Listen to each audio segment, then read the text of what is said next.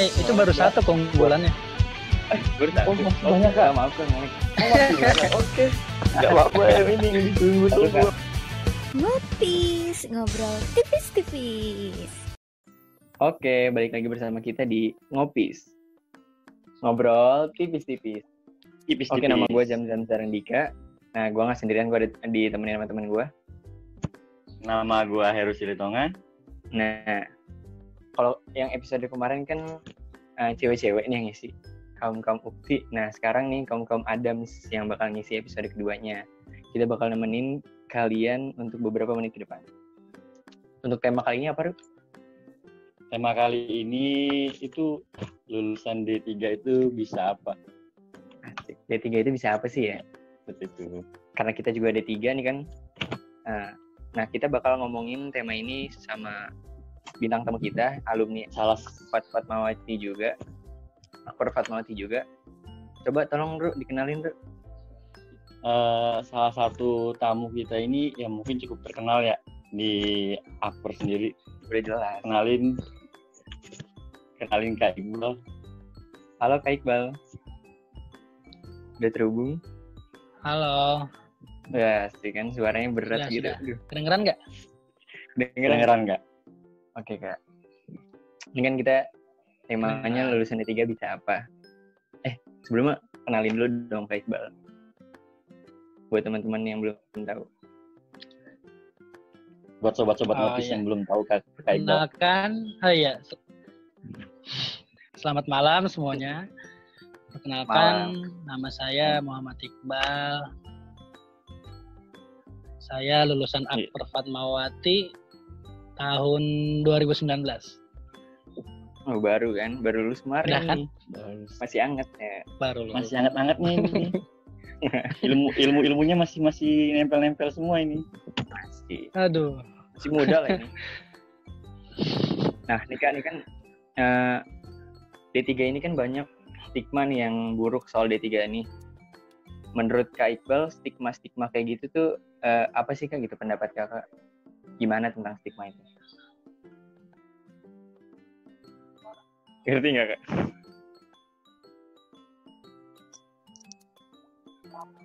Hmm, eh, stigma tentang D3 ya. Iya Kak. Iya Kak, benar. Stigma buruk atau stigma apa? Buruk dulu sih Kak. Buruk dulu sih Kak. Lebih baiknya ke buruk dulu. Negatif Baik. dulu.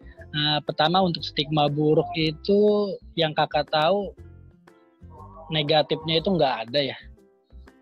Paling Nggak yang pernah iya yang pernah kakak dengar paling untuk stigma tentang D3 itu eh, apa namanya?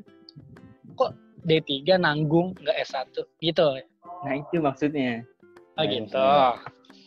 Heeh. Menurut kakak itu bukan stigma jelek ya.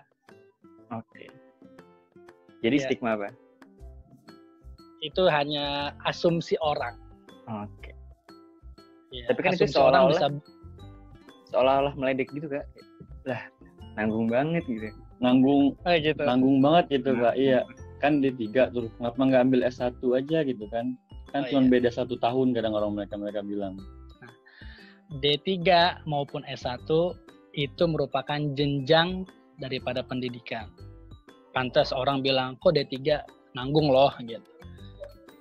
Tapi eh, asumsi orang beda-beda. Ada berarti orang yang menanya hal itu, yang berstigma negatif seperti itu, dia hanya pengen eh, yang simple-simple aja. Dia pengen, dia tuh nggak pengen yang nanggung-nanggung.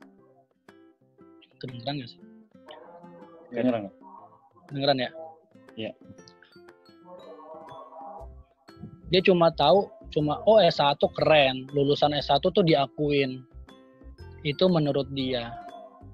Dia nggak, dia belum tahu, bukan nggak tahu ya, dia belum tahu bahwa D3 yang lain itu banyak diakui di perusahaan tempat kerja. Jadi dia hanya berpikir kenapa sih kok nanggung gitu, nggak nggak langsung S1 aja. Kenapa harus D3? Semua itu proses. Mau D3 maupun S1 itu sama aja. Nanti pun setelah kita D yang harus kita tahu orang itu paham atau tidak tentang S1 dan D3. Oh, Gitu. berarti cuma asumsi doang ya? Berarti cuma asumsi, asumsi beberapa, man- beberapa orang aja gitu kayak tentang D3 dan S1. Hmm, Untuk asumsi orang, pendapat orang bisa didengar, bisa enggak. Kalau itu yang kurang baik, boleh ditampung. Bisa kita jadiin motivasi. Benar. Nah tadi kan asumsi buruknya. Nah menurut Kak Iqbal ada nggak asumsi baiknya? Asumsi baiknya, oh banyak. Oh D3 Wah, banyak. gampang langsung kerja, da- gampang dapat kerja. Oh D3 lebih dipakai loh daripada S1. Karena pengalaman D3 langsung terjun ke eh, nggak hanya teori, langsung pengalaman, langsung praktek, langsung aplikasi gimana nanti kerja kayak gimana sih gitu. Berarti bagusan S1 nih daripada D3. Hmm, Eh enggak. bagusan D3 daripada S1. Apa plus ayo, Kak? Apa ada plus minusnya juga? eh, S1 maupun D3 ada plus ada minus. Oke, oke. Jadi kita nggak bisa lebih, oh lebih baik D3 loh daripada S1. Oh lebih baik S1 loh daripada D3, nggak bisa. Kita D3 S1 ada lebihnya, ada kurangnya. Hmm. Oke kak, kan kakak nih lulusan 2019 berarti masih bener-bener baru ya kak ya? Masih Baru seger. banget. Masih seger ya kak? Udah ngantuk Nah, sih, udah abis- jam 10 tuh. Biasa. Nggak biasa malam Sesuai. minggu kayaknya. Iya, Ya. Iya Allah kak. Nggak sama kayak saya Buka kak, puasa. juga nggak pernah malam minggu kak. Mau malam sama kak. Sama. Bisa aja. Eh, nah kak, kan kakak kan baru lulus ya, kak. Kak. Ada nggak sih apa gimana sih kak perasaan kakak setelah lulus dari D3 ini? Ada nggak kekhawatiran kakak untuk kerja gitu? Perasaan dulu ya. Perasaan lulus dari pendidikan itu seneng banget. Karena satu itu kan itu kewajiban kita kan selaku anak lah.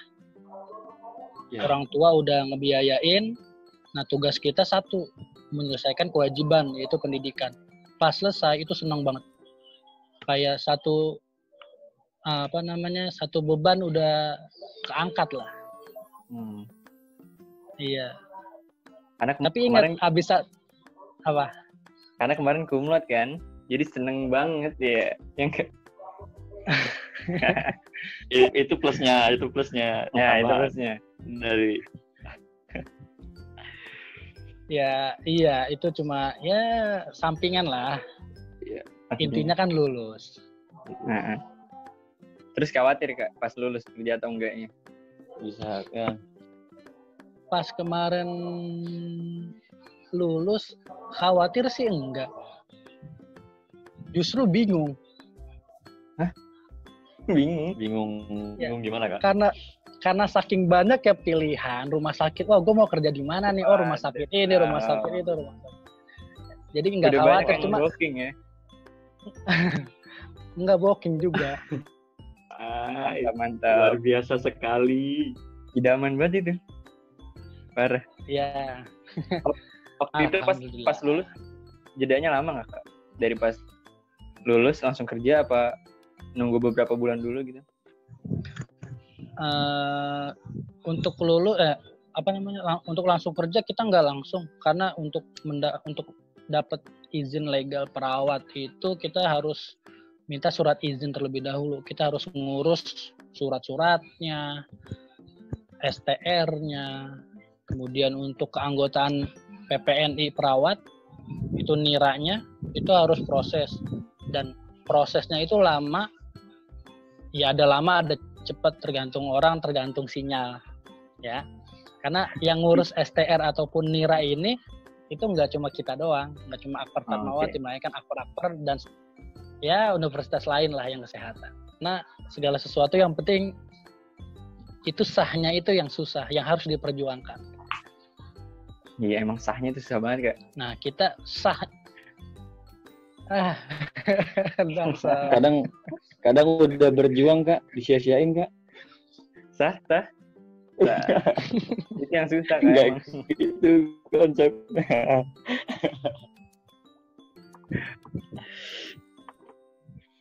Memang namanya berjuang Nah, kan itu udah- susah. Kak. udah udah masuk udah masuk di Mayapada nih kak nih. Nah, eh, kakak kan D3 nih di Mayapada. Nah, di lapangan kerja kakak itu kakak apakah masih dianggap rendah dari eh, lulusan-lulusan yang S1 ataupun yang lainnya gitu kak? dianggap rendah sih enggak cuma hanya ditanya aja. Nah, kamu lulusan apa? D3 atau S1 gitu. Tanya aja. Karena kenapa? Karena eh, sudah jelas untuk D3 dan S1 itu eh, ada perbedaan misal satu dalam jumlah SKS dalam pembelajaran mungkin kalau D3 kita cuma 125 eh, mungkin S1 itu lebih banyak 150 mungkin Ya, jadi eh, ada sedikit materi yang mungkin hanya dipahamin oleh S1. Karena hal itu tidak dipelajari di belum dipelajari di di D3. Jadi hanya ditanya aja, kamu lulusan apa gitu kan. S1 atau D3? Oh, D3. Oh, gitu. Kemudian yang ditanya selanjutnya kalau bagi karyawan baru tuh apa? Udah pernah kerja atau belum? Nah, Gitu iya itu. lulusan lulusan nggak dipermasalahkan mau S1 mau D3 Nah, yang penting udah pengalaman kerja atau belum Berarti orang-orang di sana juga bakal nyesuaiin sama pengalaman kita mungkin ya. Jadi nggak terlalu kelulusannya mungkin. iya benar Oke, Ru, sikat. Iya sih kak, bener kak. ayo dari mana tuh iya. Kayak gimana sih kak? Capek nih. Caranya itu kita kita tuh bisa pede kak dengan gelar kita itu kak, gelar kita sendiri kak. Nah, itu benar Kak. oh iya itu Jadi yang kakak-. Hmm. Ya kak bilang tadi kan ada perbandingan Karena- di tiga S1. nah iya lulusan ahli media tenaga vokasi merupakan lulusan yang dikenal dengan keahlian di bidangnya Nah, ketika lulusan D3 melamar kerja di suatu tempat kerja, maka yang ditanya ahli keahlian dalam bidang tersebut. Maka se- sering eh, apa namanya? D3 sering lebih diutamakan daripada S1. Karena untuk D3 dari segi pengajarnya pun merupakan tenaga ahli di bidang tersebut terutama keperawatan. Kemudian mahasiswa yang belajar di D3 itu dibimbing, diajarkan, dianjurkan untuk terjun ke lahan keperawatan tersebut untuk bagaimana tahu kondisi realnya daripada kerjanya nanti. Gitu. Biar pede, ya kita harus mengutamakan keahlian kita. Kalau kita lulusan D3 nggak ahli dalam bidang kita karena itu waktu kuliah main-main atau waktu kuliah cuma ah yang penting lulus. Coba dengerin, waktu kuliah. Ini saya kak. Asal lulus aja kayak penting kak. iya Parah sih. Kuliah, kuliah datang gitu pulang.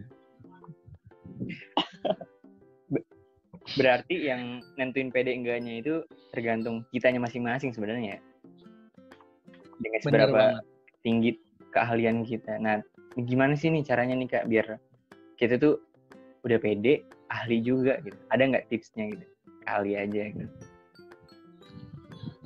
tipsnya biar ahli Eh, kita ambil teori dari eh, peneliti-peneliti penemu-penemu misal kayak Bohlam atau penemu handphone atau komputer. Mereka tuh enggak sekali bikin langsung jadi. Mereka tuh butuh seribu sepuluh ribu kali percobaan.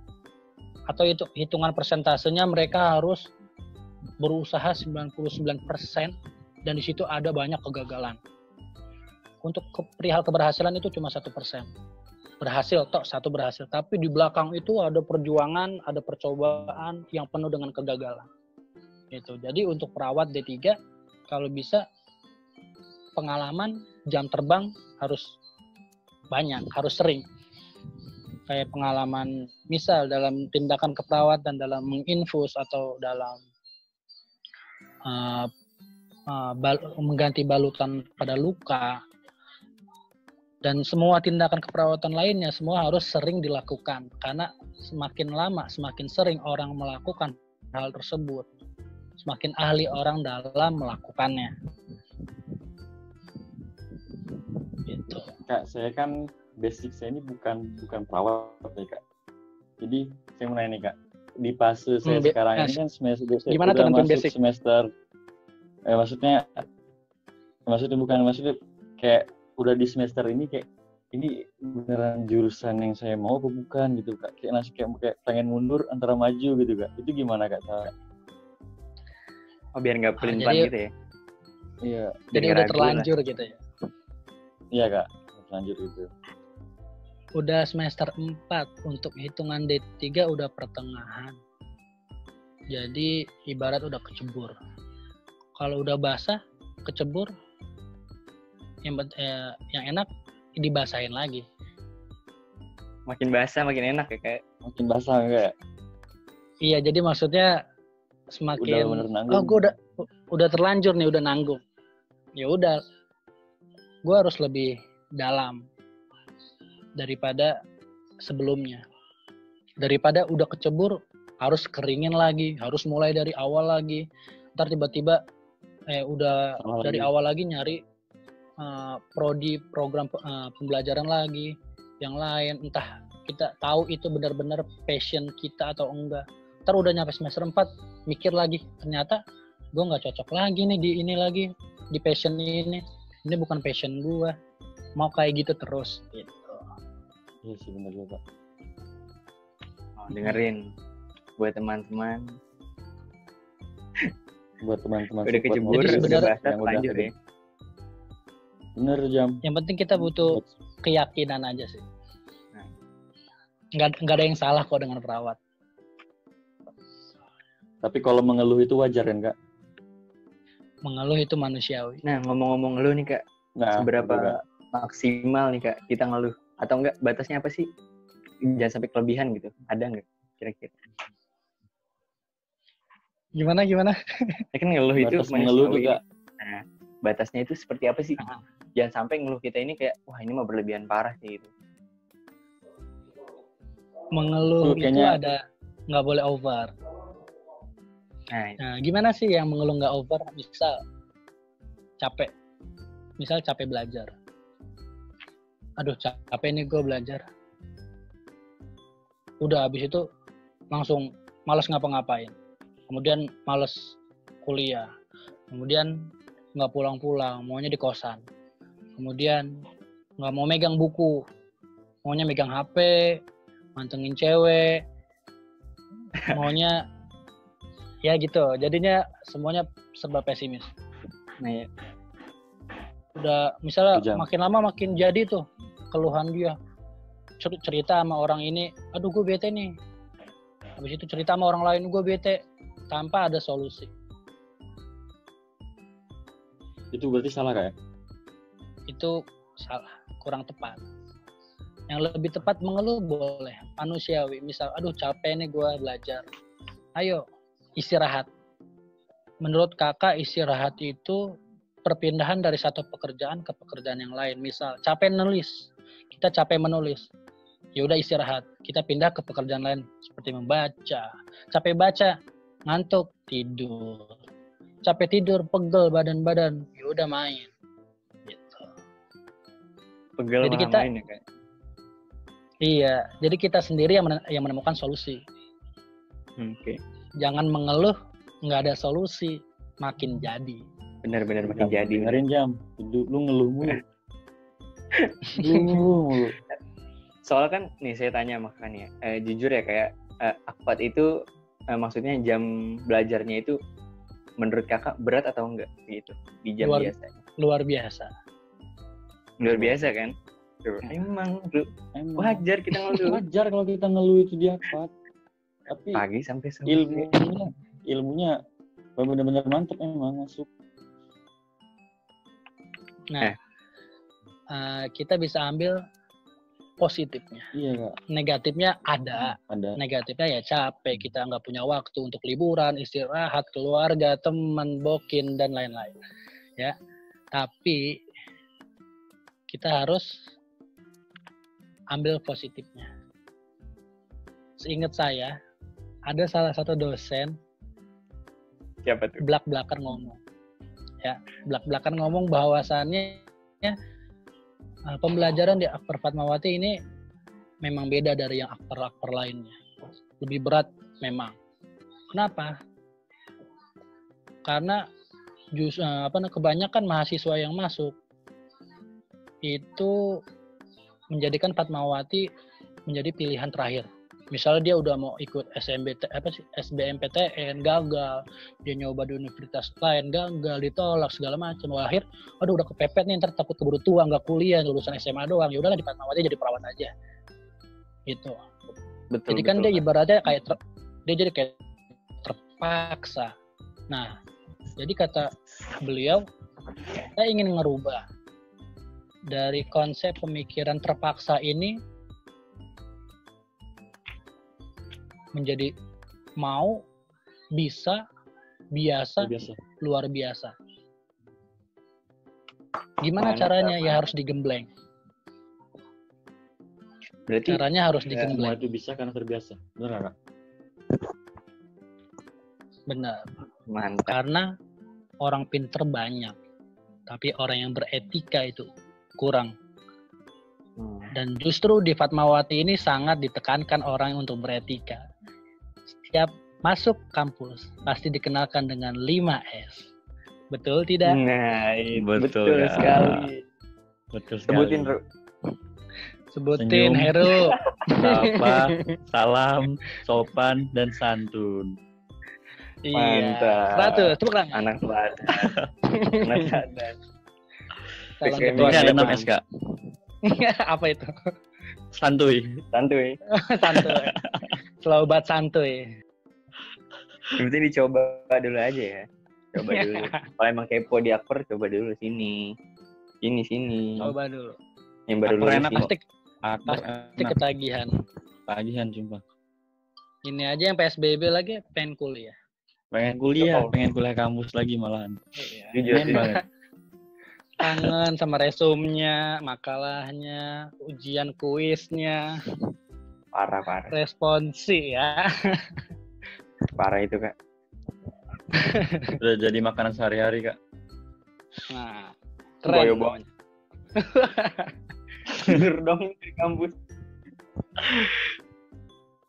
Ada rencana nggak buat ke S1? Rencana ada, karena itu jenjang pendidikan. Ada. Deket-deket Tapi ini. ya saat nggak masih ya dua tahun lah. Dua Atau tahun. nikah dulu kak baru satu Nah, ini. Gimana gimana? atau nikah dulu baru S1 Oh, kalau keburu apa namanya pendidikan dulu. Kalau keburu ya, ya pendidikan dulu. Kalau nggak keburu ma- bisa, masih muda, masih 17. 17. ini umur udah matang buat nikah nih, Kak. Nggak mau Belum. nyari ukti-ukti gitu. Langsung saya promosi ini.